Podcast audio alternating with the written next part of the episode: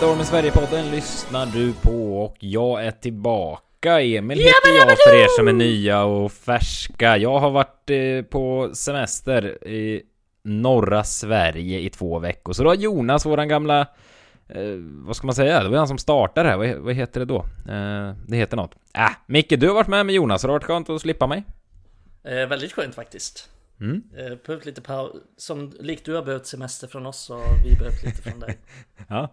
Efter två omgångar eller något så behövde jag semester. Ja men det har ju Men- gått bra för United sen, sen du slutade. Ja, det, det har det. Och lyssnarrekord på, på ett poddavsnitt också. Så ja, lite ont i hjärtat gör det. Men eh, nu är jag här igen, så nu blir det bottennapp igen på lyssnarantal kanske.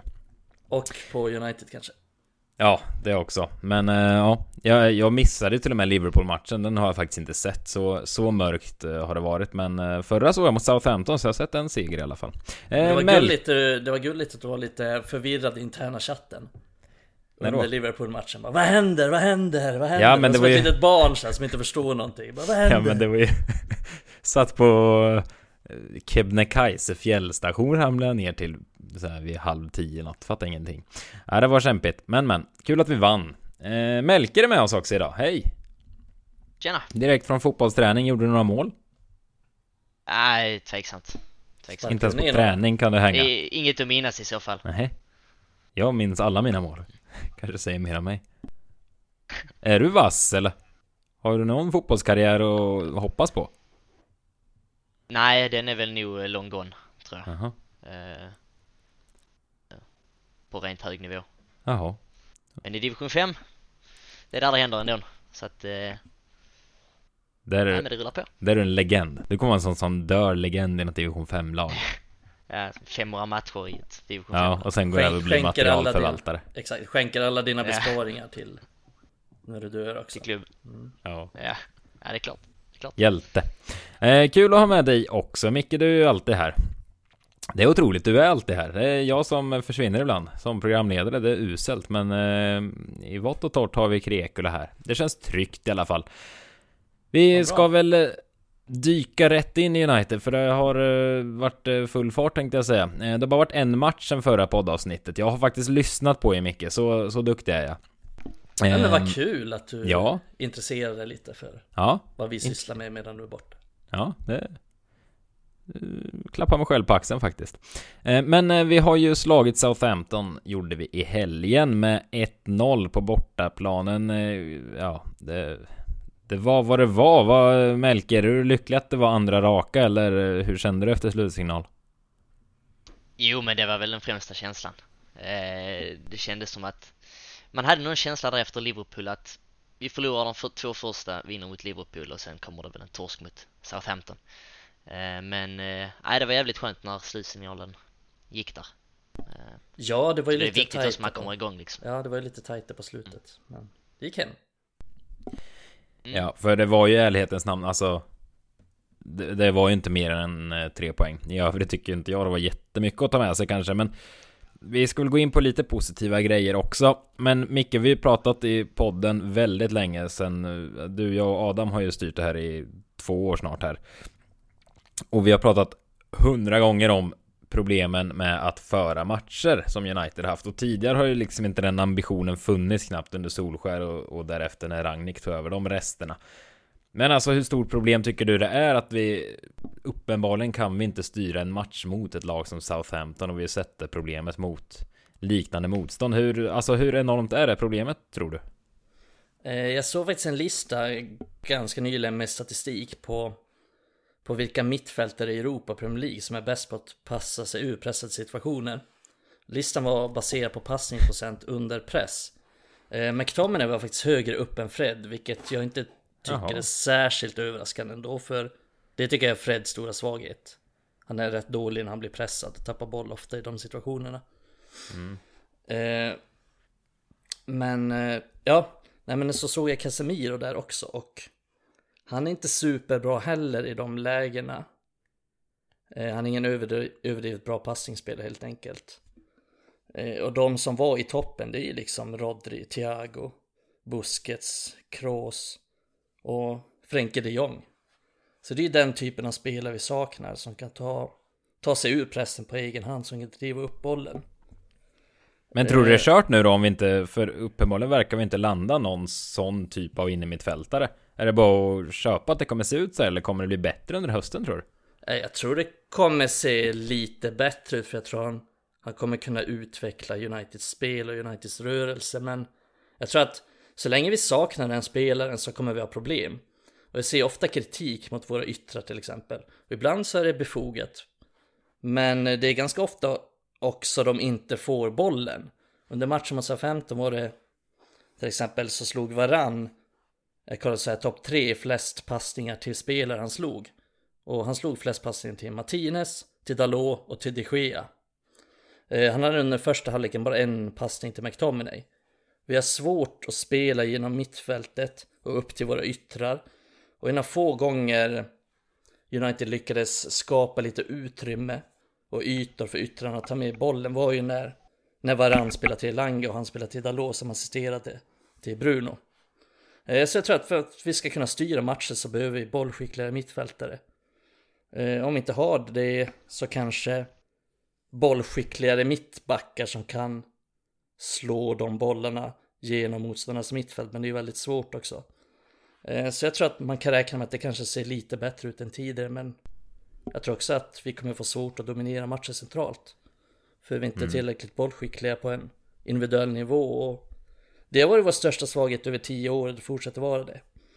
Mm. Eh, vi har ju snackat mycket om om en defensiv mittfält, ett ankare och det kommer säkert göra oss lite stabilare men jag tror inte att vi kommer, jag tror inte att det kommer göra att vi styr matcherna i den utsträckning vi vill ändå. Nej. Melke, vad tror du? Alltså, tror du man kan runda det här eller kommer det liksom kosta oss massor poäng så vi inte ens har chans på Europa här när vi summerar fram i framåt jul? Nej, men jag tror väl lite som Mikael att det kommer att vara ett problem tills vi varvar en mittfältare som kan fylla den rollen. Eh, sen vill jag ändå se rätt ljust på det här med Erik Ten Hag. Jag tror att han kommer kunna utveckla det en del och sätta sin prägel på det med den befintliga truppen. Um, så jag tycker nog inte det är någonting så vad mega jag mega oroad över redan nu. Uh, för man har ändå sett vissa tidiga tendenser att där är någonting positivt där som vi kan utveckla. Sen tror jag inte att vi utvecklar det så pass mycket så att vi verkligen börjar dominera matcher för då kommer det att behövas en, en, en mittfältare framöver som kan täcka den, den rollen liksom och spela ur press och så vidare. Eh, men jag har svårt överlag att säga att vi, som du säger då, kanske har eh, det här med Europaspelet. Jag har svårt att säga att vi kommer till Champions League och eh, en stor faktor till det är just det här inom mittfältet. Vi har svårt att styra matcher så att i mångt och mycket håller jag med Mikael där och jag tror det kommer att vara ett stående problem eh, säsongen igenom eller fram tills dess att vi varvar eh, en passande profil liksom. Ja, exakt, jag, jag, tror också att det kommer vara ett problem på kort sikt, alltså den här säsongen, men jag tror inte nödvändigtvis det behöver vara det i längden, för jag tror att men det är uppenbart, han ville ha Frenkie de Jong, det är uppenbart att han vill ha den typen av mittfältare som kan ge honom det spelet, så att det kommer ju vara förmodligen största prio nästa sommar. Men det har vi sagt många gånger att det kommer vara största prio utan att det har ramlat in någon. Men nu, kom, nu vågar jag fan nästan lova att nästa sommar så kommer det värvas den typen av mittfältare. Och när han väl får in den så tror jag ganska snabbt att United kommer bli mycket bättre.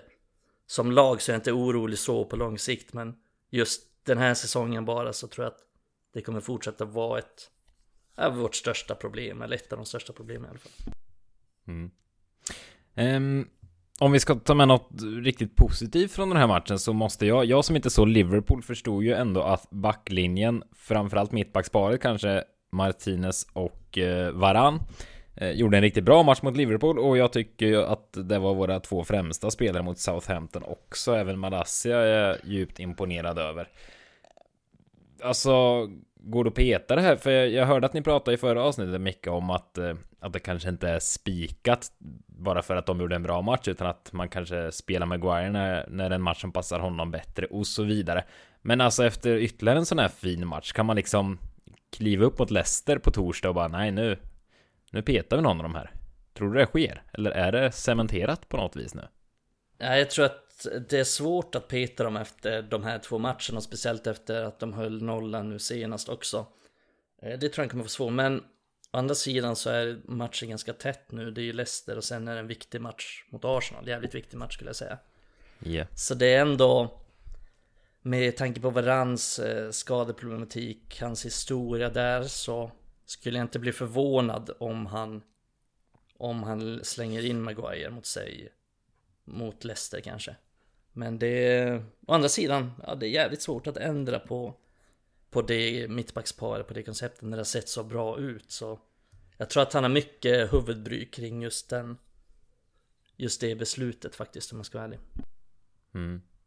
Jag var så imponerad. Eh, nu såg som sagt var det inte jag Liverpool. Jag har sett eh, rätt långa highlights. Men eh, mot Southampton så slog det mig att de har så bra samarbete trots att de aldrig spelat ihop förut. Och det båda väldigt gott. Alltså det, det känns som det klaffade i. Den ena klev upp, den andra föll ner. Det var liksom inga, inga krusiduller så. Det har vi ju sett rätt många gånger eh, senaste säsongen. Om både Maguire och Lindelöf och alla möjliga som har spelat där att det, det har sett ut som de inte känner varandra som att de inte Aldrig sett förstår några- varandra på planen. Aldrig sett mittbackar med sämre liksom, samarbete än Lindelöf och Maguire. Nej, Det, ja, men det är ju häpnadsväckande alltså. Det, de här två rackarna ser ut att eh, de ser ut att trivas kanon ihop och så finns Malassia där på kanten också som är ja men de är lite, ja men de är lite jävla geist i sig. De är Ja, lite jävla, och Malassia jävlar också för den delen. Ja. Ja, ja jag det älskar tycker jag är skiten. uppfriskande. Det är uppfriskande Melke, faktiskt. du måste bli döglad att se en Malassia. Du gillar ju sådana där köttare. Han bara kör. Borrar ner huvudet och kör. Ah, det är ju en, eh, det är ju som natt och dag mot Luke Shaw till exempel. eh, verkligen. Vad menar Nej, du? jag, Fan. Ja, Trött det, jävel. Alltså hela, ja, hela backlinjen har eh, Tycker jag har varit sen, Speciellt de här två senaste matcherna har sett riktigt intressant ut Mm. Riktigt kul att se dem faktiskt Mm. Istället för det här lite halvdaltandet och halvmesandet som vi kanske har vant oss vid Sen Rojo och Jones dagar under Mourinho egentligen eh, Så nej det är jävligt kul att se Ja. ja men som du säger, hela backlinjen. Vi måste faktiskt eh, lyfta hackkycklingen Dalot också tycker jag. Alltså av det jag sett hittills den här säsongen, eh, försäsongen inkluderad. Efter Martial är nog han, han är nog den spelaren som jag tycker har presterat liksom närmast sin maxnivå. Jag har nog inte sett honom så här duktig i United. Sen med det sagt så tycker inte jag, jag tror inte att han har höjden för att alltså vara med på den här resan framåt. Om två år vill absolut se en annan högerback. Men jag tycker verkligen att han har höjt sig under Ten Hag och, och det känns som han presterar så gott han kan faktiskt. Ja men Det- han, eh, han har ju behövs. faktiskt eh, använt honom ganska smart för att Säga vad man vill om Dalot men han är ändå hyfsat allround som spelare. Han är ganska spelskicklig och Han eh, har ju förmågan att kunna Fylla på i båda riktningarna eh, Matchen igenom. Jag tycker han har använt honom ganska smart och Han har ju fortfarande den här tendensen att När han väl får inläggsläge slår han den allt vad han orkar in i boxen Lite som eh, Valencia gjorde Men skillnaden Gick är ju vägen en gång. Ja precis, men skillnaden är att Dalot slår dem i huvudhöjd liksom i Ja. 200 km i timmen. Men, om man säger det att assisten till Bruno Fernandes var jävligt, jävligt, jävligt fin. Mm. Jävligt bra boll. Ja, nej, det, det tar jag främst med mig från eh, helgens match i alla fall. Att eh, backlinjen känns, eh, det känns bra och så får vi en Casemiro här nu också på defensiva mittfältet som kanske kan täppa till det hålet vi haft där i, ja, jag vet inte i hur många år. Det är sorgligt länge. Men vi släpper tidigare match och eh, kikar till lite. Det är ju, när vi spelar in det här ska sägas är 30 augusti, så det är, eh, och ganska sent på kvällen här, så transferfönstrets slut närmar sig med stormsteg. Och Melke, du är ju lite våran transferguru, du är våran Fabricio Romano. Eh, Mm. så att säga. Men eh, vad... Ska vi börja i änden med det allra senaste? Anthony blev ju officiellt klar idag, tisdag. Och sen verkar Martin Dubravka, målvakten från Newcastle, vara så gott som klar också. Eh, det kanske är officiellt när ni hör det här också. Vad, vad tror vi där eh, Melker om vi börjar med de här två spelarna? Vad, vad får vi in i Antoni som vi ändå pröjsar eh, i runda slängar en miljard för? Vad, vad får man? Nej men vi får ju en, vi får en klassytter med enorm potential. Och en enorm flärdighet som man kanske inte har sett sen Nanis dagar heller om du tänker rent i dribblingsmässigt och så här. Ehm, ett rejält rapp i steget och Ja men överlag är det ju en väldigt bra ytter, sen är det ju priset som jag vet att vi kommer att komma in på lite mer senare. Ehm, eh, men kort om priset så är det att det blir en konsekvens av att man är sent ute i fönstret. Ehm, och inkompetensen som United visat upp den här sommaren rent till att vara proaktiva har ju sett likadant ut som alla andra sommar i princip. Men just spelaren Anthony är ju väldigt, väldigt sugen på att se i Premier League. Mm. Jag tror det kan ta ett litet tag i alla fall innan han eh, akklimatiserar sig totalt och rejält. Eh, men överlag är det en riktigt bra varvning och framför allt en vänsterfotad högerytter som det inte känns som att man har sett på år och dag heller. Mm. Eh, I alla fall en kvalitativ sådan. Men eh, alltså, ingen spelar ju en garanti såklart kanske. Framförallt inte en brasse tänkte jag säga. Det, det finns ju historia av brasilianare mm. som kommit och man tror att de ska flyga i olika lag och sen blir det pannkaka av det. Och jag har sett lite på Twitter att folk har ojat sig och roat sig med att Jesper Karlsson som spelar i AZ i i nederländska ligan har gjort eh, ganska rejält mycket fler poäng än Antoni senaste säsongerna och han liksom mm. får inte en spel till det svenska landslaget så alltså eh, Liksom är han överhypad Antoni om vi lägger priset åt sidan alltså hur, hur garanti är det här eller kommer vi vara jättebesvikna om ett år? Kan, det, kan vi landa i det? Nej, jag tror definitivt vi kan landa, att det finns en chans att vi landar i besvikelse men samtidigt så jag tycker både Antonis profil och Jesper Karlssons profil är ju helt annorlunda och det är en Anthony var ju skadad en tredjedel av förra säsongen till exempel. Eh, och drar du in hans Champions League-poäng, både mål och assist i ekvationen så är det helt plötsligt en Anthony som kanske par 90 minuter eller par match gör fler poäng än Karlsson. Men eh, som du säger, det är ingen garanti. Eh, och summan, du skulle lägga den åt sidan, men summan gör ju också att man blir lite mer nojig för att en spelare som man blir besviken över efter ett år som kostar en miljard är helt annorlunda om det kostar en halv miljard. Eh, pressen är betydligt större och för den här prissumman så förväntar man sig att Anthony ska vara så bra så att han går rakt in i laget och gör succé direkt.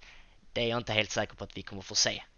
Eh, över tid, absolut, och det är ju en spelare som Ten Hag verkligen har velat ha. Det är ju en profil som Ten Hag vet att han borde kunna få någonting ut av. Annars hade ju inte vi lagt den här summan och jagat han så mycket som vi har gjort. Men chansen finns absolut där för att det ska kunna bli någon form av besvikelse och man är väl lite rädd för det någonstans. Mm. Ja, men det som jag tycker är intressant med Anton, det är ju just, du nämner ju den här Champions League-statistiken, det är ju att jag har sett honom prestera på den högsta nivån mot de bästa lagen. Mm. Och det har väl, om vi tar Jesper Karlsson som exempel, och det har väl inte jag sett, sett han göra på samma sätt. Men eh, just med Anthony, ja det är klart att det är en för hög summa, jag tror alla är överens om. Att det, nej, men det blev lite för dyrt och det, det kanske man får räkna med när man är i United-situation. Dels som Erika sa att ganska sent ute, men också att vi är ju ett lag som inte har fungerat. Vi har inte nått de höjder vi vill och då kommer man få betala lite extra för att få in de spelare man vill ha för att vi är i en situation där vi är ganska desperata. Men det som jag tycker är bra med Antoni det är ju att han är ung, utvecklingsbar, vilket gör att okej, okay, säg att det inte blir succé. Vi kommer åtminstone få ganska mycket pengar tillbaka tror jag för honom ifall vi skulle sälja honom om, om två år om det inte funkar. Så att uh, ur, den, ur det perspektivet är det bra. Uh, men sen tror jag också att, precis som Melke sa, att uh, Ten Hag vet vad han får. Han har gått väldigt hårt in på honom, ganska tidigt ändå. Han var en, en av dem han ville ha ganska tidigt på, i transferfönstret. Så att han vet vad han får här, han känner till honom, han vet exakt hur han ska använda honom. Och det ser jag som styrkan här att han är ganska säker på att Antoni kommer bli en succé. Eh, och det känner jag mig, jag känner mig ganska trygg med hans bedömning där. Eh, och ser vi till, om vi kollar på tidigare värvningar. Nu är det för sig ganska litet underlag men han har värvat Malaysia, Eriksen, Martinez. Som vi har sett. Som vi har sett nu i fyra, fem matcher. Och det, jag vill inte gå händelserna i förväg men jag tycker ändå att vi kan konstatera att det är ganska bra värvningar. Alla de tre. Så jag litar ändå på att han, han vet vad han gör här. Han vet vad han får i de här spelarna. Och det är, tror jag väldigt mycket varför han går efter dem också. Mm. Men tycker du det är rätt mycket? Vi har pratat mycket om vad man ska in för spelare och vi har tjatat om in i mittfälten. Nu har vi fått Casemiro och ja, Eriksen får ju räknas in där också på något vis. Alltså tyckte du det var rätt att man gick för en hög mittfältare i det här läget?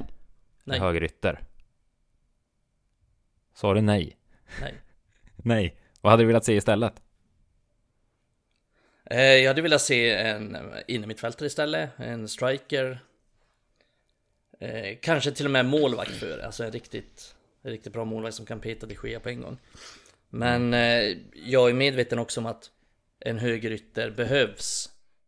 Men jag ser inte det som första prio. Utan jag hade ju valt eh, prio 1, innermittfältare prio 2, striker prio 3, målvakt prio 4, högerytter. Men jag är ändå ganska, alltså det är, det är uppenbart så att han vill ha en innermittfältare för, han vill ha Frenkie de Jong men inte kunna få honom. Och därför mm. har de skitit lite i, i just den spelartypen. Eh, samma med striker, finns inte riktigt någon att få. Och därför har man lagt det lite på is. Eh, så då är det väl ändå, om man inte kan få någon av dem man vill ha, då tycker jag det är bättre att då köper man den högerytter man vill ha istället för att säg köpa en innermittfältare för 40 miljoner pund som man inte tycker är särskilt bra som man kommer vilja göra sig av med om, om två år. Så då är det väl kanske bättre att köpa en högerytter som man verkligen, verkligen tror kommer göra laget bättre. Och vi ska inte glömma att vi behöver en högerytter också. Så ja, men jag är väl hyfsat nöjd ändå. Mm. Eh, målvakt nämnde du där Micke. Vi antar att Martin Dubravka kommer bli klar från Newcastle på lån ett år med en köpoption som inte ska vara obligatorisk om jag har förstått det hela rätt. Eh, vad, vad, alltså, vad tror vi där Melke? Du har ju koll på alla spelare i hela världen. En eh, 33-årig slovak från Newcastle som har blivit petad sen eh, Nick Pope ramlade in från Burnley inför den här säsongen. Alltså vad... Mm. Alltså, när man uttrycker det så som jag gjorde det nu så tänker man vad fan händer? Men är det en, ja. är det en vettig värvning? Ja, men det skulle jag väl ändå säga. Just med tanke på att det är ett lån och att vi inte kommer att vara tvungna till att köpa loss honom förmodligen. Eh, men i mitt tycke så är det, vi får in en bra andra målvakt. Eh, under sina bästa perioder i Newcastle så tyckte jag han var en riktigt bra målvakt. Eh, och han är väl jämfört med de Gea mer benägen att äga sitt straffområde. Lite bättre med fötterna av det man har sett, även om det kanske inte alltid nyttjades till fullo i ett lag som Newcastle. Sen just de två grejerna att äga sitt straffområde och vara okej okay med fötterna är väl de flesta målvakter jämfört med de Gea. Eh, men jag tycker det är en bra, bra andra målvaktsvarvning. Eh, och det är ju en klar uppgradering gentemot Tom Heaton. Och ehm, vi lär väl främst få se Dubravka i, i Europa League och de inhemska kupperna men det är absolut någon som är närmare att konkurrera och sätta press på de Gea än vad vi har i nuläget om du bortser från Henderson på lån då. Ja, eh, jag ser det argumentet en hel del om att eh, är han bättre än är han ens bättre än Heaton? Och det tycker jag att han är betydligt mycket bättre än vad Heaton är. Jag tror att eh, det är lätt att överskatta Heaton liksom för att han, han lider av det här samma eh, reservmålvaktsgrejen som, som många överhypade målvakter gör. De gör en bra match eh, på en säsong och så tror folk liksom att de håller hela vägen i mål. Men eh, Heaton är ju väldigt oprövad de senaste åren, haft mycket skador, börjar bli till åren. Svårt att säga vad han håller för nivå. Men framförallt är jag ganska säker på att han... Eh, om vi säger att nu när de Gea har varit så, eller varit så svag de första matcherna att Hiton gör inte de sakerna som är de Geas svagheter bättre. Utan han är ju lika dålig med fötterna, om inte sämre. Han är inte bra på att komma ut heller. Han är inte bra på att äga sitt straffområde. Och där är Dubravka, även om han inte är klockren så är han bättre än både de Gea och Heaton på de sakerna. Så jag tror att vi har inte så mycket att förlora på den här värvningen, så för mig gör det inte så mycket. Jag tror inte att Dubravka är liksom lösningen på alla Uniteds målvaktsproblem, men det, det, är ganska liten risk med, den här, med det här lånet, så för mig känns det okej okay och han är, nej men han, han är precis som man kan säga, han är en aning mer proaktiv målvakt. Han är bättre i luften än de Gea. Han är lite bättre med fötterna. Sen kanske han inte är exakt lika bra på linjen, men det är inte lika viktigt längre. Det viktiga är att, att han kan komma ut och hjälpa försvaret på ett bättre sätt än vad, än vad de, de Gea gjort. Och jag är helt övertygad om att en stor orsak till varför backlinjen ofta har varit svag är för att ja, de kan inte riktigt lita på de Gea, de vet inte riktigt vad de har honom. Och det tyckte jag vi såg även mot SA 15. Även om det såg stabilt ut så var det en situation där det kom en långboll. Där både Martinez och Varann är först på bollen. Båda har kontroll på situationen. Helt plötsligt kommer de Gea ut. Som aldrig annars kommer ut. Så han där ute och rensar liksom. Och de bara, var fan kom han ifrån? Sen är det situationer där bollen kan liksom landa inom hans målområde. Och de väntar på att, ja men okej, målvakten kommer. Men så kommer han inte ut. Så det är, jag tror att de har svårt att läsa av de Gea. Vad han kommer göra, hur han kommer agera. Eh, och det skapar ofta en, o, en osäkerhet i backlinjen. Jag tror att Dubraka kommer vara, om han får speltid, om han skulle konkurrera ut de Gea, vilket jag inte vet. Men just i de aspekterna så är han lite bättre än vad de Gea är. Yes, men eh, vi har varit inne och touchat i det, det här med rena businessen. Eh, alltså det är ju otrolig prislapp på Anthony och man har, eh, det har också diskuterats eh, att det var saftiga pengar som lades på Casemiro som inte är purung heller. Ja, det är väl de två i och för sig som har varit riktigt dyra. Eh, Malaysia ja, men alla ju... är väl egentligen ganska dyra förutom Malaysia och Eriksson också. Men ja, Martinez sant. Martinez också. också. Ja, det är sant det. Men eh, alltså hur... Alltså Manchester United som klubb. Alltså det har ju...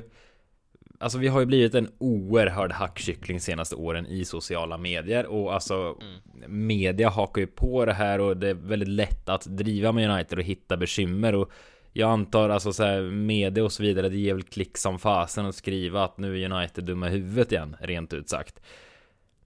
Alltså överdrivs det här? Är det så sjukt dåliga business alltså vi ser ju ändå en hel del andra spelare som går till andra klubbar som också, alltså Chelsea har ju värvat eh, sjuka summor också.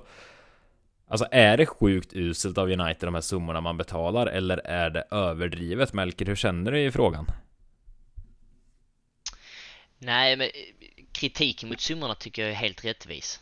Eh, vi betalar ju i, i mina ögon sett överpris för både Antoni och Casemiro om det är de två vi ska fokusera på just nu.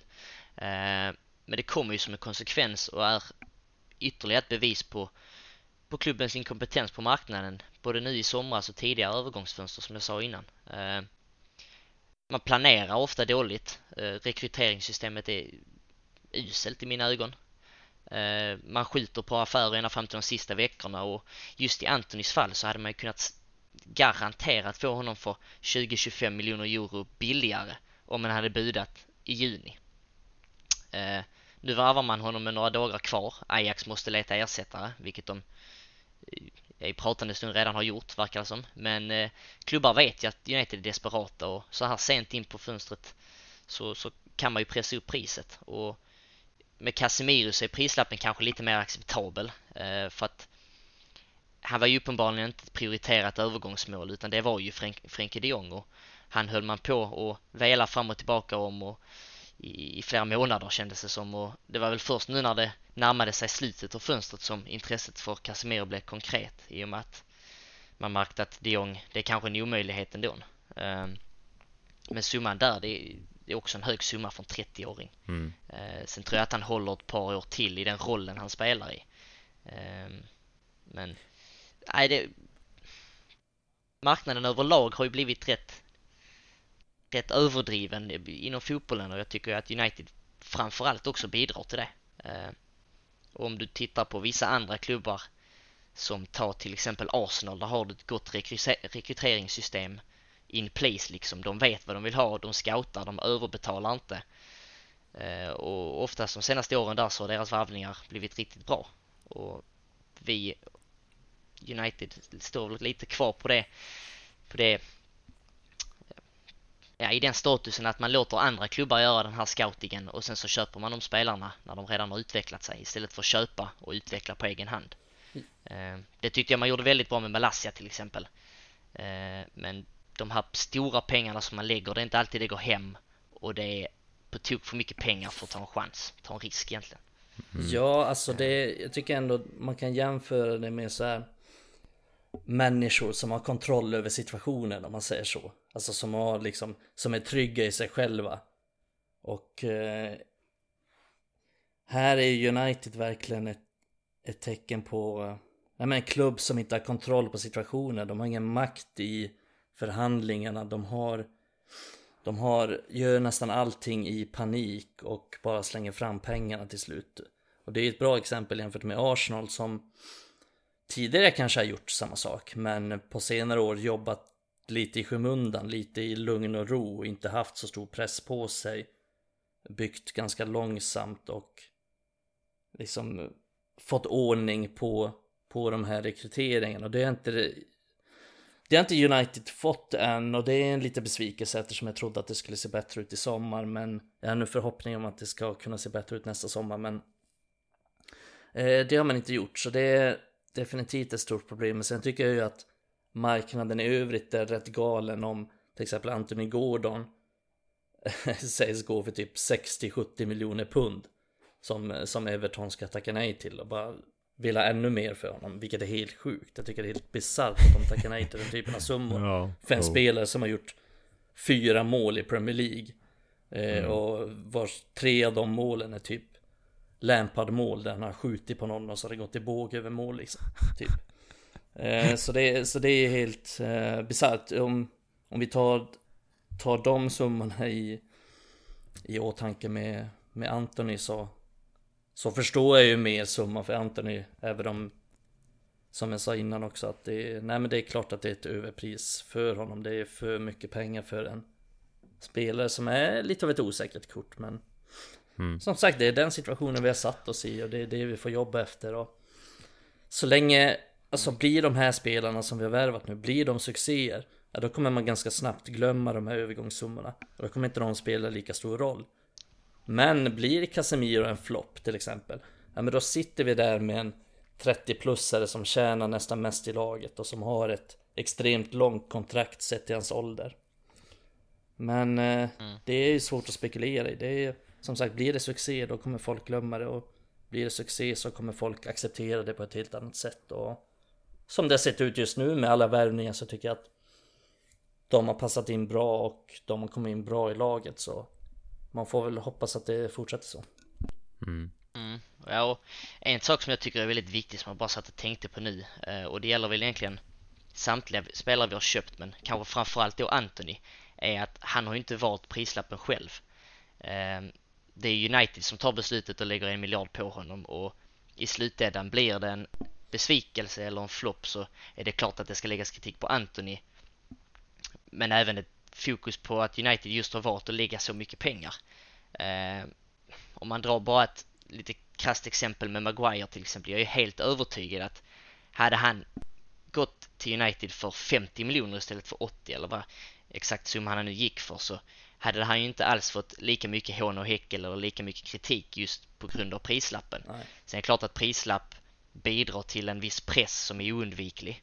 Eh, men jag tycker också att just när det gäller en sån här ung spelare och priset så ska man inte dra slutsatser för tidigt för som du säger och har sagt innan, han är utvecklingsbar. Och blir det en succé så kan man bortse från priset lite utan om ni förstår vad jag menar. Ja, liksom. Det är United som har valt att värdera han till en miljard. Mm. Det är ju ingenting som Nej. spelaren liksom har valt själv och det är ju svårt att klandra han för att United lägger så mycket pengar på Nej men det är samma med Fambisaka också. Han, det är inte han som har valt den summan och jag är övertygad om att det har tyngt ner just Maguire och van Bissaka. Att det hela tiden dras upp att de betalar så mycket pengar för dem. Eh, så det sätter ju onekligen extra press och det ska bli intressant att se hur, hur Anthony hanterar det. Han verkar ändå vara en, jag vet inte, han slår mig ändå som en karaktär som skiter i sånt. Men eh, det ska bli väldigt spännande att se honom och jag tänkte på det du sa innan tidigare avsnittet om en, om en ytter som verkligen kan göra sin gubbe och som är väldigt sevärd och lite som eh, vi inte riktigt har haft sen Nani kanske. En, eh, en ytter full av tricks och så En det ska bli artist. väldigt spännande. En artist! Fotbollsartister, är för få sådana nu för tiden. Jag älskar ju Sant Maximin i Newcastle bara för han är en artist. Ja, fan Skiter vad i hur många bra. mål han gör.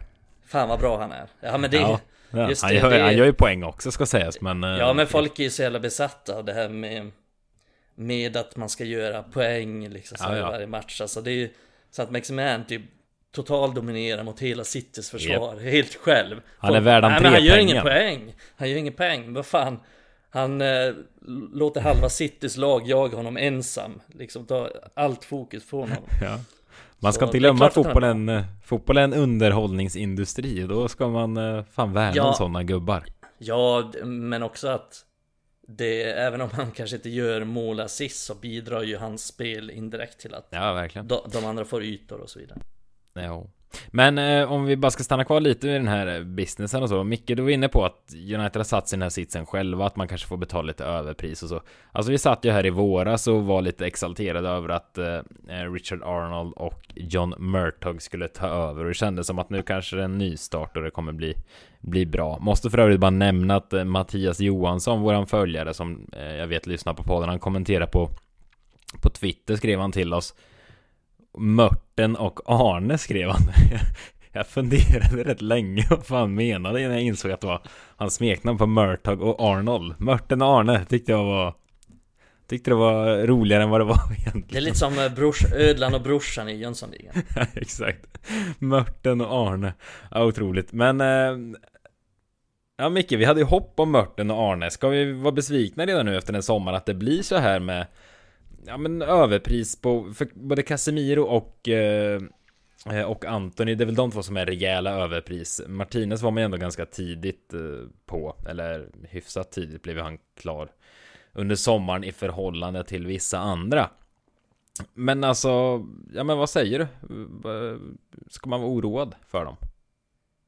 Eh, ja, det tycker jag väl ändå att man ska vara, men jag har sagt det här i något tidigare avsnitt också att eh, innan sommaren så så lät de två scouter gå.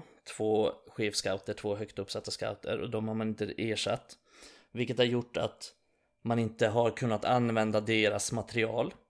Eftersom det vore bisarrt att kicka två scouter och sen använda deras rapporter. Som de här uppenbarligen inte två bra nog scouterna har tagit fram. Eh, så därför har man inte haft något scouting-system i, i fas. Man har inte haft något rekryteringsteam som har legat före utvecklingen, vilket har gjort att man har vilket jag tycker man kan se ändå. Man har gått efter spelare som som Ten Hag känner till eh, och som de flesta har ganska bra koll på sen tidigare, typ Casemiro. Alltså så här mer säkra kort. Eh, så jag tror att man har jobbat mycket efter det och därför har det blivit en del paniklösningar för man har inte haft något system insatt vilket har gjort att man inte har kunnat vara proaktiva på marknaden. Min förhoppning är ju att de anställer lite fler personer till, till nästa säsong eller redan nu helst så att de kan komma igång med det arbetet till januari och till nästa sommar. Eh, så efter det kommer jag bedöma dem helt efter nästa sommar. Då kommer jag ge mitt slutgiltiga svar om de är bra nog eller om de inte är bra nog. Mm. Eh, Men just nu så har det blivit lite paniklösningar. De har fått gå på lite säkra kort. De har fått gå efter spelare som Ten Hag känner till och Uniteds, eh, en av Uniteds chefscouter, en av få som är kvar där, är ju också holländare och känner till den marknaden väl, vilket jag tror också har bidragit till att man har gått mycket efter spelare som har dels har spelat i Holland, eh, är fostrade i den fotbollen, men också eh, spelar där just nu. Eh, Vad var frågan nu igen? Ja, om du var oroad för Mörten och Arne. Jaha, ja, eh, ja lite, lite oroad är. Men eh, till, eh, som sagt, jag kommer bedöma dem, kommer bedöma dem nästa som, efter nästa sommar. Och då ser Yes. vi om de är tillräckligt bra. Jag ville ge dem en chans till, men det känns ju inte lite besviken den sommaren får jag säga. Även om de flesta värvningar som har kommit in och det har kommit värvats för United har värva mest av alla i hela Europa tror jag. för mest pengar. Eh, så är jag ändå lite besviken på att man inte har haft en tydligare plan. Men som jag sa innan, jag förstår anledningen eller orsaken till det. Jag hoppas mm. att det kommer bättra sig.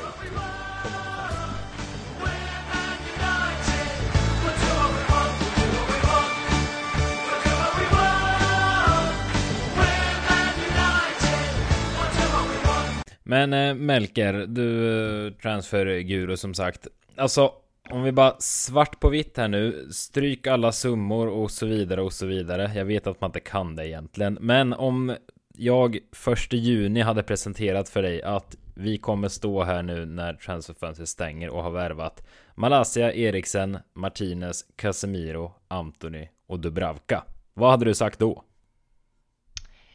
Jag hade nu spontant varit nöjd tror jag hade sagt. Eh, att jag hade varit. Sen tror jag att med vissa av de spelarna är jag ännu mer nöjd nu än vad jag hade varit första juni. Som till exempel Malaysia trodde jag ju aldrig skulle bli för den här prestera så bra som han har gjort redan liksom. Eh, samma med Martinez egentligen, men rent på pappret första juni så hade jag varit nöjd. Tror jag faktiskt. Vi får ändå en... Det är kanske en anfallare som saknas i den elvan och en... Eller i, av de nyförvärven och en mer proaktiv mittfältare med boll. Men eh, överlag skulle jag nog varit nöjd. Ja men säg att vi nästa sommar eller kanske till och med januari, eller förmodligen nästa sommar då. Mm. Så att vi, då kanske vi värvar tre stycken. En ny målvakt, en eh, ny innermittfältare som faktiskt kan passa en boll och en striker som kan ta emot en boll. Ja, men mm. då kommer vi ha ett jävligt bra lag. Känner inte ni också det? Jo. Ja, men... Jo, absolut. Alltså, vi, Fan vad gött! Då är vi tillbaks! Ja, då blir vinst. Jobba nu! Nej men alltså vi pratat om tidigare, eller, ja det har vi, alltså att Alltså man skulle ju rent krast i, när förra säsongen avslutades Alltså jag hade ju gärna, alltså vi, man hade gärna tagit bort hela truppen hade man ju rensat ut och tagit en helt ny trupp i princip. Det fanns ju så här, jag vet du, jag och Adam, eh, Micke, vi satt något avsnitt liksom diskutera vilka man ville, gärna ville ha kvar i truppen. Det var så här, ja, Sancho kanske man vill se en säsong till, han har väl något i sig. Det var typ det man landade i. Och det går ju inte, alltså vi har värvat sex spelare nu ändå, så någonstans måste man också mm. luta sig tillbaka och förstå att okej, okay, Ja, jag köper också, jag, jag hade velat ha in en anfallare, men ja, nu gick inte det. Vi har tagit in sex spelare och in, jag kan inte kolla på någon av de här spelarna och tänka att det här var en meningslös värvning. Den här positionen är ju redan så jäkla stark. Det är väl i så fall Eriksen, men samtidigt köper jag för han är ganska ja. allround ändå liksom fyller någon funktion som vi inte har tidigare, så jag köper honom också. Mittback ja, behöver ju Martinez. Ju... Vänsterback kom väl lite oväntat kanske kan jag tycka med Malaysia, men det behövs ju uppenbarligen att Shaw inte springer runt där uppe proppmätt och Telles var ju oduglig. Casemiro, ett ankare vi tjatat om i hundra år. En högerytter, vänsterfotad behöver vi. Vi har ju bara en massa vänsteryttrar. En ny målvakt behöver vi. Alltså det... Det går inte att säga att någon värvning är fel, men samtidigt hade man behövt tre, fyra till för att liksom känna att vi har ett riktigt slagkraftigt lag. Men det är ju en omöjlighet. Så... Nej, nej, jag vet, jag det känns inte som man kan vara missnöjd med liksom spelarna som kommit in. Nej, och det är lite intressant för att det känns ju som att alla är så sjukt jävla missnöjda. Ja. Men ändå, ändå om man kollar bara på, på värvningar vi har gjort, precis som du säger. Det är fan jävligt många värvningar och det är ganska bra värvningar. Alla kan Sen, gå rätt in i startelvan, på riktigt. Ja. Alltså på, på... Jag tror fan att alla kommer göra det. Ja men alltså på söndag, okej, inte på torsdag möter vi Leicester, då är väl inte alla helt eh, redo Nej, kanske. Antoni hinner inte registreras. Men... Ja men på, på söndag, på riktigt skulle alla de här kunna spela. Vi ska prata om kommande matcher sen, men alltså vi skulle kunna ha en startare med alla de här spelarna och det skulle liksom inte vara något konstigt med det. Så alltså, nej. nej, det går inte riktigt att vara missnöjd med spelarna in. Däremot kan man ju sätta frågetecken i, alltså det, det finns kvar dödkött i den här truppen. Det, ja. jag vill bara säga en sak om du sa, ja, att, kör, jag vill bara säga, du sa att Eriksen kanske inte var så nödvändig. Eh, delvis håller jag med dig. Eh, om vi hade fått in de spelarna vi hade velat ha, om vi hade fått in Frenkie de Jong till exempel, ja men då Kanske inte Eriksen hade varit supernödvändig, men just nu så tycker jag han är supernödvändig för han är en av få mittfältare som kan passa en boll. Eh, så det är den typen av spelare har vi inte riktigt just nu, så det, där tycker jag han är nödvändig. Jag vill bara ha sagt det. Bra sagt. Men Punkt. Eh, vi, vi... Bra sagt! Men eh, våran gode vän Rasmus som var med i podden för två veckor sedan var det va? Eh, kanske. Han var med någon gång. Han har varit med för. Eh, han skrev Härskarteknik där. Ja, jag kommer inte ihåg. Jag har faktiskt inte varit här. Men eh, han skrev igår i våran chatt så bara Eh, stolpar eh, stolpade han upp hela truppen och skrev liksom två spelare på varje position. Liksom han skrev de Gea och så Dubravka inom parentes. Dalot och så Fambisaka inom parentes. Och så vidare. Bara för att visa att bredden finns här nu. Vi har liksom en gubbe som reserv på varje position. Och ändå så, när han skrivit det, alltså två startelvor i princip då, så fanns de här namnen kvar. Jones, Mengi, Tuansebe, Williams, Chong, Ahmad, Pelistri, Garnacho, Hannibal, Donny. Alltså ni hör ju det. Det är... Ja, hur kan alla de här spelarna vara kvar? Melker, vad fan? Varför gör man inget? Ja, Hur är det möjligt? nej det är en bra fråga. Sen ska det Nej, sägas, Chong verkar väl ha gått till Birmingham på lån eller hur är det fatt? Så ja, någon mer kanske blir Permanent, utlånad här permanent också. verkar det vara. Permanent kanske blir till och med, just det, det läste jag förut. Men eh, ja, frågan kvarstår ju, även om en eller två av de här försvinner så sitter det ju en drös spelare där som dels inte kommer få minsta lilla speltid så det kanske börjar knorras en del. Dels bara är för dåliga och dels, ja, ni hör ju. Hur, hur kan de vara kvar Melker?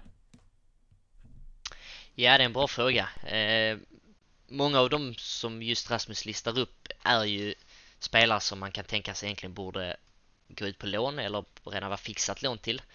Och om inte så släpp dem. Alltså en sån här som Mengi, jag tror, jag tror aldrig han kommer kunna slå sig in i United. Du kanske kan få en liten, liten peng för honom. Men det finns ingen anledning att sitta på hans lön och låta, låta han spela U21 en hel säsong till. Tuan Sebe tror jag man kan få bra, bra bra betalt, men man kan få ett par millar i alla fall. Samma med Williams, Garner, men Ja, men känslan överlag på många... Garner, Många han, ställen. han stod inte med här på listan. Garner glömdes.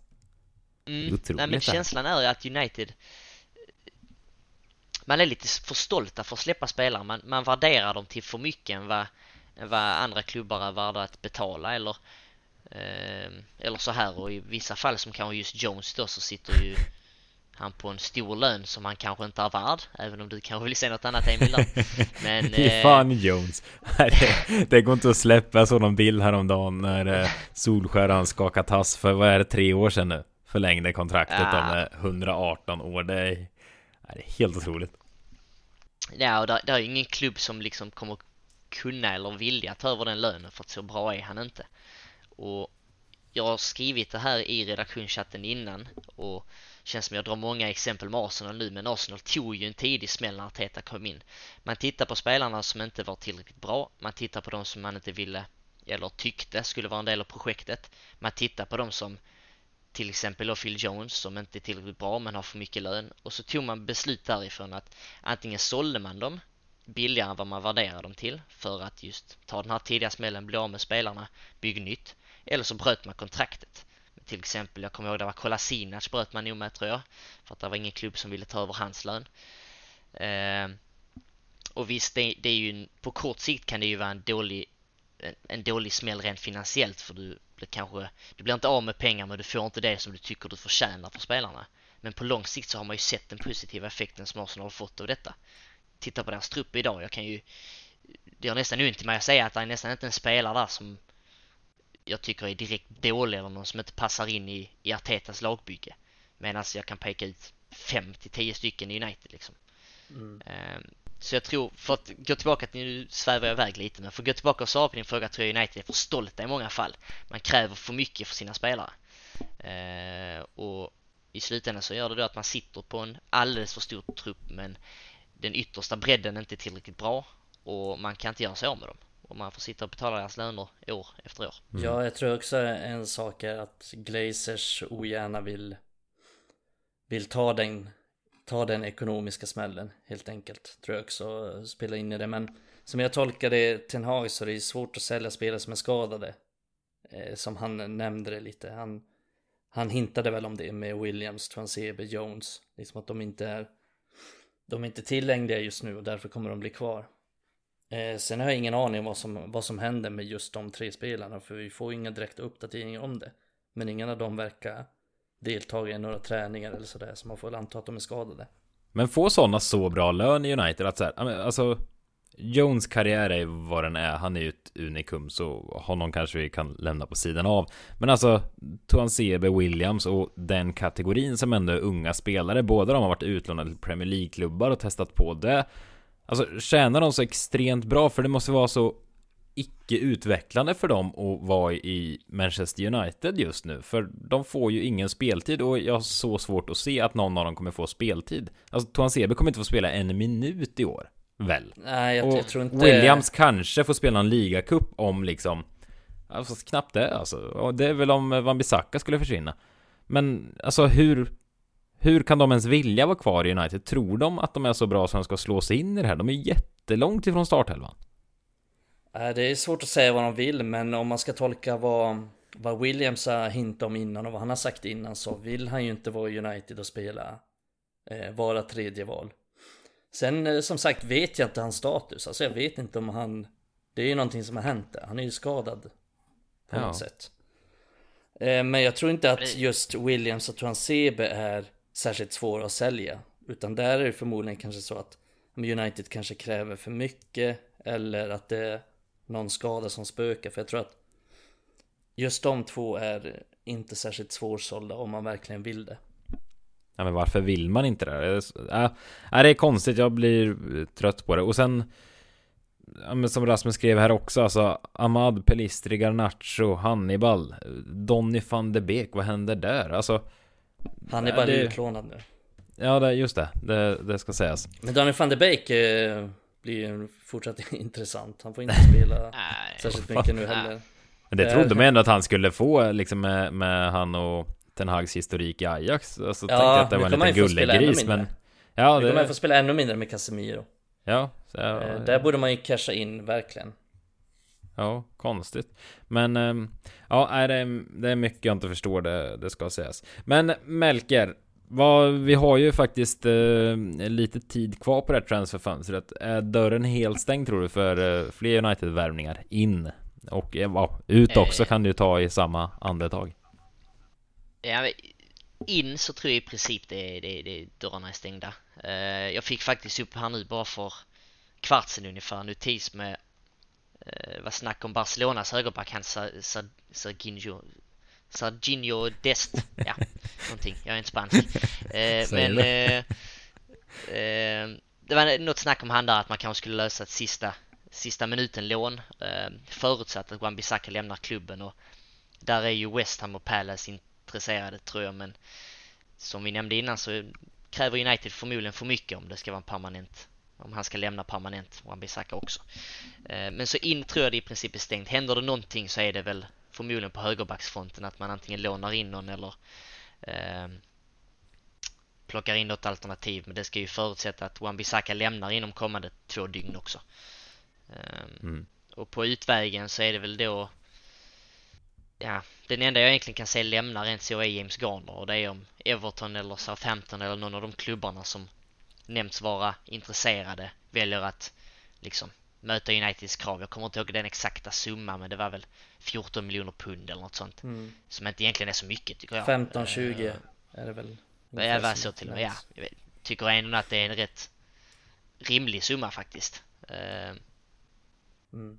För just Garner. Men så in, ja, tror inte det blir någonting mer. Ut, möjligtvis Garner, lån för Ahmad kanske, men i övrigt vi ska inte glömma en viss Cristiano Ronaldo också. Det verkar ju som eh, Jorge Mendes, hans agent, slåss eh, hej vilt för att eh, hitta någon klubb som spelar Champions League. Napoli har varit senaste och att eh, Victor Osimhen ska gå i motsatt riktning. Men det verkar ju vara en hästdyr affär för United och ja, jag vet inte. Den situationen är bara less på det. Jag hoppas ju, det vet Nej, alla som lyssnar på det här vet att jag vill väck med den där karn så långt bort från engelska öarna som man bara kan. Men ja, det var det. Eh, men det återstår ju att se vad som, eh, vad som sker. Det är svårt att spekulera men eh, ja. Men just van Bissaka borde ju Borde United försöka sälja tycker jag. Ja. Mm. det är alltså, jag förstår, ju, jag, förstår, jag förstår ju Uniteds situation här. Man vill ha man vill ha två, två högerbackar. Vad händer om Dalot blir skadad till exempel? Ja, då har vi inte så mycket täckning ifall Van Bissaka skulle försvinna. Men jag tror att på lång sikt så är det ändå det kloka att göra att försöka casha in på honom medan hans värde är, är relativt högt ändå. Och det är ingen spelare som kommer passa in om, säg att han blir utlånad, det är ingen spelare som kommer passa in om två år. Han är körd redan, han kommer aldrig bli en United-spelare med, med, den, med den spelsidan han har, med, det, med de egenskaperna han har. Så det är fan lika bra att bara riva av det plåstret, även om det kan yeah. innebära att kanske Williams eller Lindelöf får spela högerback och det kanske är en liten försämring mot Van Bissaka. Om det ja, ens det är det, det är jag fan, nej, det är jag fan inte säker på att nej, det är ens. Tveksamt. Äh, men... Nej men det...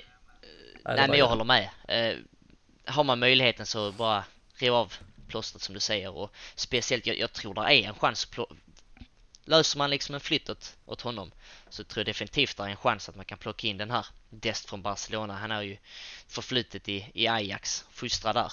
Sen vet jag inte om han hade någon direkt kontakt med Ten Hag, möjligtvis första året där att han tillhörde klubben innan han gick till Barca. Men han var ju inte en, han var inte en del av Barcas trupp den senaste matchen, har inte varit på hela säsongens gång hittills tror jag och jag skulle vilja säga att, men jag inte genom att jag har inte kollat tillräckligt på honom i Barcelona just, men vad jag har förstått så är det en det är en klar uppgradering från Wan-Bissaka vilket jag tror oh. det hade nog Fanta mig också varit. ja, jag också. Så jag tror, ja, alltså jag tror kan man lösa att Wan-Bissaka lämnar så tror jag faktiskt man kan få in Dest, men eh, det är svårt, det är bara två dygn kvar liksom. Mm. Ja, det finns en del att fynda bara sen då. Mm. mm. det snackar vi också konstig, konstiga grejer som händer rent ut sagt. På tal om bred trupp alltså, herregud, jag såg deras, uh, deras bänk i förra matchen. Det är, det är en del namn som sitter där om vi säger så, som är helt oönskade i vissa fall. Är det, det, jag fattar inte. Vi ska inte fastna där, något måste göras åt den här ska vi verkligen transfer. Inte göra. Nej, den här transfercirkusen alltså med alla priser och hur man kan bete sig som klubb är ju... Nej, det är inte kul längre nästan tänkte jag säga. Men eh, vi släpper det, för när folk lyssnar på det så kanske transferfönstret har hunnit stänga redan, så vi ska inte fastna där alldeles för länge. Vi har bara varit där i en trekvart nu ungefär. Ehm, vi ska blicka framåt också. Det, Micke, du var inne på det förut. Det är ett spelschema som tätnar något fruktansvärt nu, för eh, Europaspel drar igång. Europa League för Uniteds del. Och så är det en vanlig sån klassisk Midweek-omgång här nu också i eh, Premier League med start idag tisdag kväll. Men eh, alltså United spelar nu, det, ja, spelar i lördags och nu, alltså nu är det så torsdag, söndag, torsdag, söndag, torsdag, söndag. Tre veckor i rad med Europa League varje. Eh, I två veckor i sträck där sen. Leicester borta på torsdag och Arsenal hemma på söndag. Alltså vi har ju sett ändå ganska cementerad startelva. Han har inte snurrat jättefriskt den Hagen då, även om han Eh, ja, han har ju ja, det var ju samma startelva de två senaste vinsterna här, men eh, Alltså han måste väl börja snurra lite nu. Vi var inne på förut där kring Varans skadehistorik att man kanske inte vågar men Alltså han har ju inte Han har ju inte vågat ge så många chansen till Hagen då Har jag tänkt på tidigare Alltså men en sån som van de Beek och de Gea skulle stå i kassen, han har alltid stått. Maguire fick, Maguire Lindelöf fick chansen från början. Nu var det lite skador och grejer där också i och för sig. Men är ni med på vart jag är? Vi har ju i mångt och mycket sett samma gamla lirare som var förra säsongen som liksom mjukstartat sin karriär i United en Hag med, med samma skrot och korn är lite min känsla. Alltså många trodde att Garner eller Hannibal eller någon sån skulle få chansen, kanske Laird eller något. Men vi har inte sett något sånt. Tror ni, nu måste han börja snurra. Vilka, vilka får vi se liksom? Vad tror ni? Luftig fråga. Mm. nej, men, nej men jag tror framförallt nu när Europa League drar igång så kommer vi få se lite rotation. Eh, behövlig sådan också men eh, jag tror inte riktigt att försäsongen var tillräckligt för en Ten Hag att se eh, vissa, vissa spelare och vad de verkligen går för. Eh, så jag tror Europa League kommer lägligt nästa nästa vecka och där tror jag vi får se sånt som ja förmodligen om vi ser att Casemiro nu på lång sikt såklart blir första valet i, i eh, Premier League-elvan så att säga. Eh, så tror jag vi kommer vi få se en sån som McTominay eller Fred i Europa League. Men just vad gäller att ta chansen så tror jag ju säkert att vi får se Van de Beek där. Eh, ja, Fast får vi det Ja, van der Beek, Ronaldo, Ja, det- lite sådana här basic. Men, men tror ni, vi- ja, men om vi, för vi kommer hinna spela in ett nytt avsnitt innan Europa League, så om vi stannar vid bara kommande matcher, Leicester och eh, Arsenal. Alltså, tror ni redan där att man kan få se en van de Beek från start någon match bara för Nej. eh, rotations skull? Eller Nej. kommer det vara ganska samma elvor som vi har sett de senaste matcherna? Orkar de det? Ja, Jag tror det lär vara samma. Eh, Ja, det tror jag faktiskt. Jag tror det blir samma. Jag tror han Ja, kan göra nej, någon Casemiro ändring. in kanske i och för sig. Casemiro Ja. får vi inte glömma. Ja, precis. Det är Jag tror han kan göra en någon ändring där. Eh, tror inte att det är omöjligt att typ Luke Shaw startar i den här matcherna till exempel. Mm. Eh, Är det bara jag som verkligen inte vill se Sean nu när jag Nej? Alltså verkligen inte. samma här. Jag tänkte på det nu beror på vilken show vi får se. Om Ja, man är Ja, sugen det på lira sant, eller om man Mest, är trött som vanligt. Ja, jag tänkte bara på det när, när vi snabbt kom in på Europa League, vem vi skulle rotera. Alltså, kommer vi få se Luke Shaw i, i Europa League? Jag, vill- jag ser ju hellre Williams där egentligen. ja, ja, ja. Alltså rent, rent av nyfikenhetsskäl för att se hur, hur bra han har utvecklats. Men Shaw vet jag ju vad han är Och för. förstår Shaws inställning också. En Europa League-match Ah. mot eh, något eh, jävla dassgäng. Han kommer ju... han Ah, skiter ju i fan, allt kan man alltså. inte hetsa upp sig? inte eller? tänka på Nej. det. Inte direkt. Nej, men jag, jag tänkte faktiskt på det här förut. Eh, Vet inte hur många lyssnare här som vet vad Fantasy Premier League är. De flesta har väl kanske koll på det. Men... Ja, det i- såg ni ut. Ja men där, där satt jag faktiskt förut och såg att Reece James i Chelsea var borta Så jag skulle byta ut honom och då tänkte jag alltså Många United-spelare i det där spelet är billiga och det börjar bli styr på den här backlinjen Så jag var sugen på att ta in Malaysia men då tänkte jag just på det att Nej det är dumt för Shaw lär få sina matcher här och var trots allt men eh, så jag tog in Dalot istället för jag tror inte vi får se röken av Wan-Bissaka för jag tror att Ten Hag avskyr den spelaren rent ut sagt För alltså jag tror inte han ser honom som en spelare.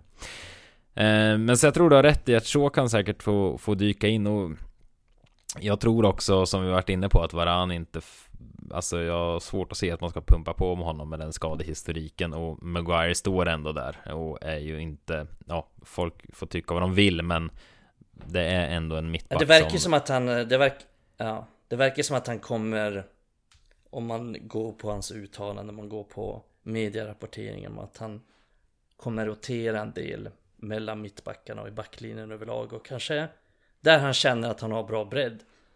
Eh, Vilket ytterpositionen kanske kan vara nu för jag tycker att Elanga har varit ganska bra de senaste matcherna.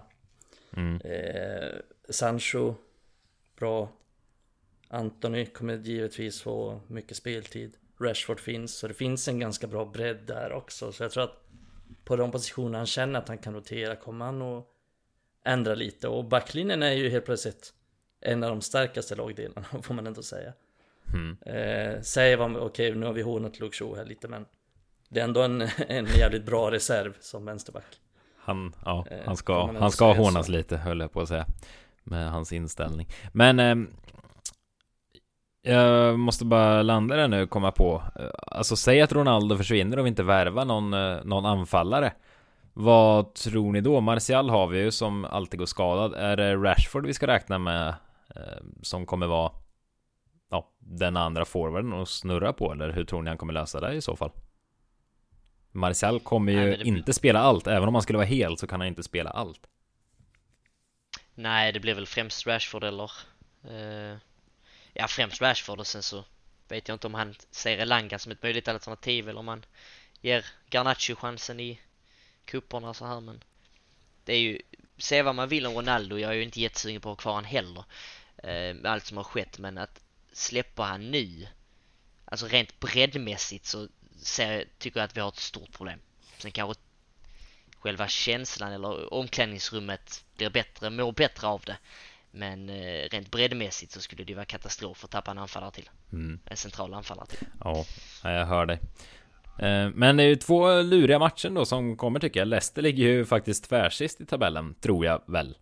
Eh, Ja det gör de, han Ja, och de är inte, alltså Jag hissade varningsflagg inför dig Micke, du skickade ju ut på vårat eh, poddkonto på Twitter inför säsongen Du och Adam Peka ut lite vad vi trodde skulle ske. Då skrev jag att jag tror Leicester kommer ehm, På under topp 15 Det är bra spaning än så länge. Men ehm, det känns som en liten otäck match för de lär ju vara halvt desperata efter att ta poäng alltså, så det en lite otäck och sen är det Arsenal på söndag som eh, har gått rent än så länge och ja, rivaliteten med Arsenal. Så det är, ja, det är två matcher här i veckan alltså som eh, det kommer ja, bli spännande att se. Minst två sagt. svåra matcher får Verkligen. man ändå säga. Så Visst, Leicester har gått uselt och man visste, man hade väl på känn, jag också tippade dem ganska lågt i tabellen. Eh, nu vet jag inte om jag tippade dem under topp 15, men någonting 14, 13, 15 platsen då.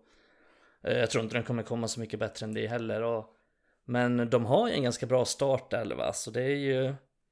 Man vill ju liksom inte räkna in det som en enkel match, men jag såg stora delar av deras match mot Chelsea och de är inte bra, alltså de har inte den här harmonin i laget och de får inte riktigt det att funka. De är väldigt låga och de har inte värvat någon spelare, de har tappat många spelare och känns lite, Evans blir mer och mer ålderstigen där bak och ingen riktigt bra ersättare för Schmeichel i målet heller.